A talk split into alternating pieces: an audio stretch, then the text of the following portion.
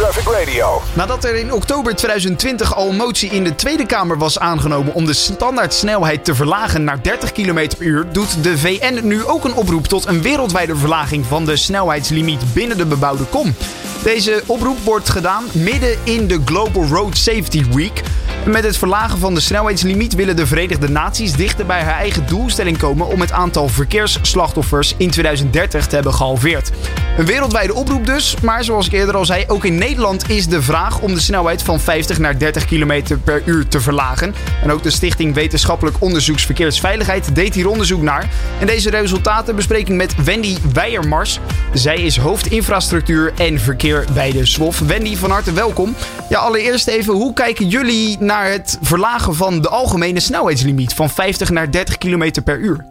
Ja, ik denk dat uh, de Tweede Kamermotie uh, vooral een kans biedt voor het oplossen van het zogenaamde grijze wegenprobleem. Uh, grijze wegen zijn wegen waar de verkeersfuncties doorstromen en uitwisselen worden gecombineerd, waar nu nog een limiet van 50 km per uur geldt. de inrichting van die wegen voldoet vaak niet aan de veiligheidseisen, zoals bijvoorbeeld een vrijliggend fietspad, waardoor snel en langzaam verkeer fysiek van elkaar gescheiden worden.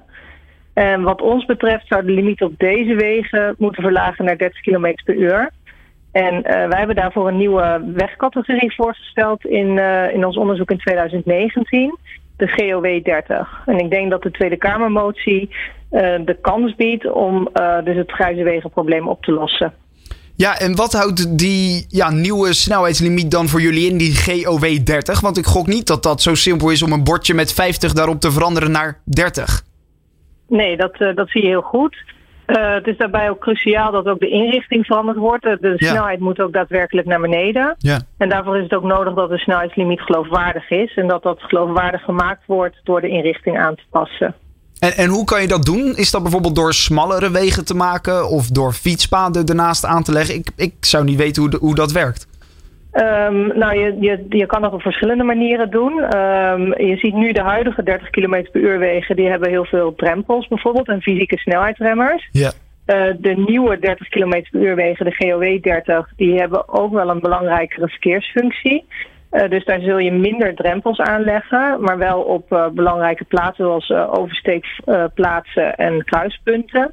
Um, maar je kunt bijvoorbeeld ook met een um, andere, uh, met klinkers in plaats van asfalt of met uh, wat smallere rijstroken uh, kun je toch de snelheid proberen naar beneden te krijgen. We zijn nu bezig met onderzoek naar hoe je de wegen goed zou kunnen inrichten. Ja, wat denk ik wel belangrijk is, is dat uh, de doorstroom natuurlijk behouden blijft. Hè? En als je bijvoorbeeld heel veel drempels gaat neerleggen, is dat wat lastiger, lijkt mij. Of door juist heel veel kruispunten aan te leggen, uh, is die doorstroming wat minder. Hoe kan je dan alsnog zorgen dat en de snelheid wordt verlaagd, maar wel die doorstroming blijft? Uh, nou, twee punten daarbij. Uh, in de eerste plaats is het belangrijk, wil ik ook wel benadrukken, dat, je, dat, niet alle, dat niet op alle wegen de snelheid verlaagd zou moeten worden naar 30 km per uur. Okay. We hebben daar vorig jaar in ons onderzoek ook naar gekeken. En op het moment dat je overal de snelheid uh, gaat verlagen, dan krijg je problemen met de doorstroming. Dan krijg je ook snel verkeer. Dan gaat verkeer door woonwijken rijden. Ja. Dus het is belangrijk dat er ook ja, wegen overblijven waar de limiet 50 km per uur of zelfs 70 km per uur is. Uh, op de wegen waar je de limiet wel verlaagt, um, is het wel belangrijk om te kijken ook naar het type verkeer dat er op de weg rijdt. Als er bijvoorbeeld bussen ook rijden, dan moet de weg ook voldoende breed blijven. Um, ja, je moet er dus zorgen bij de, bij de weginrichting dat je toch de snelheid remt en uh, daarbij wel de, door, ja, de doorstroming niet te veel belemmert. En dat is nog wel een uitdaging. Ja, de VN heeft deze oproep gedaan van die 30 km per wegen om te zorgen dat ze net ja, haar eigen doelstelling van het halveren van de verkeersslachtoffers in 2030 gaat halen. Nou ja, jullie hebben hier zelf onderzoek naar gedaan dus. Zijn jullie ook bij dat onderzoek, was dat ook de uitkomst dat er inderdaad minder verkeersslachtoffers zijn? Uh, ja, we hebben een schatting gemaakt van het aantal slachtoffers dat je zou kunnen besparen. En wanneer je de helft van de huidige 50 km per uur wegen uh, omzet in uh, 30 km per uur wegen, dan kunnen er naar schatting zo'n 22 tot 31 procent van het aantal ernstige verkeersslachtoffers, dat zijn doden en gewonden, binnen de bebouwde kom bespaard worden.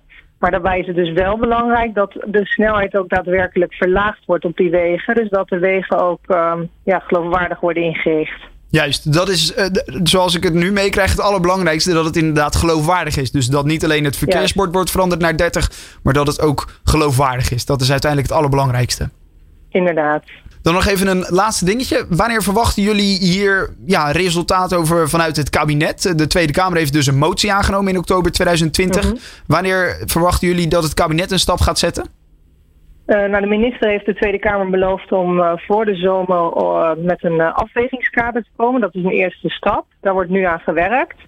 Um, en um, in dat afwegingskader worden, ja, wordt een soort stappenplan gepresenteerd. Er wordt aangegeven hoe gemeenten een um, 30 als leidend principe zouden kunnen gaan uh, invoeren. Ja, en daarna, daar, daarmee is het natuurlijk nog niet uh, het hele verhaal af. Want uh, als je daadwerkelijk de limiet gaat verlagen en de wegen moeten ook geloofwaardig ingericht gaan worden, dan gaat dat natuurlijk, daar gaan we al een aantal jaren overheen. Ja, het kan dus nog even duren, maar de eerste stappen zijn gezet. Ik wil jou in ieder geval hartstikke erg bedanken, Wendy Weijermars van de SWOF. En een fijne dag vandaag. Graag gedaan. Always on the road. Traffic, Traffic Radio.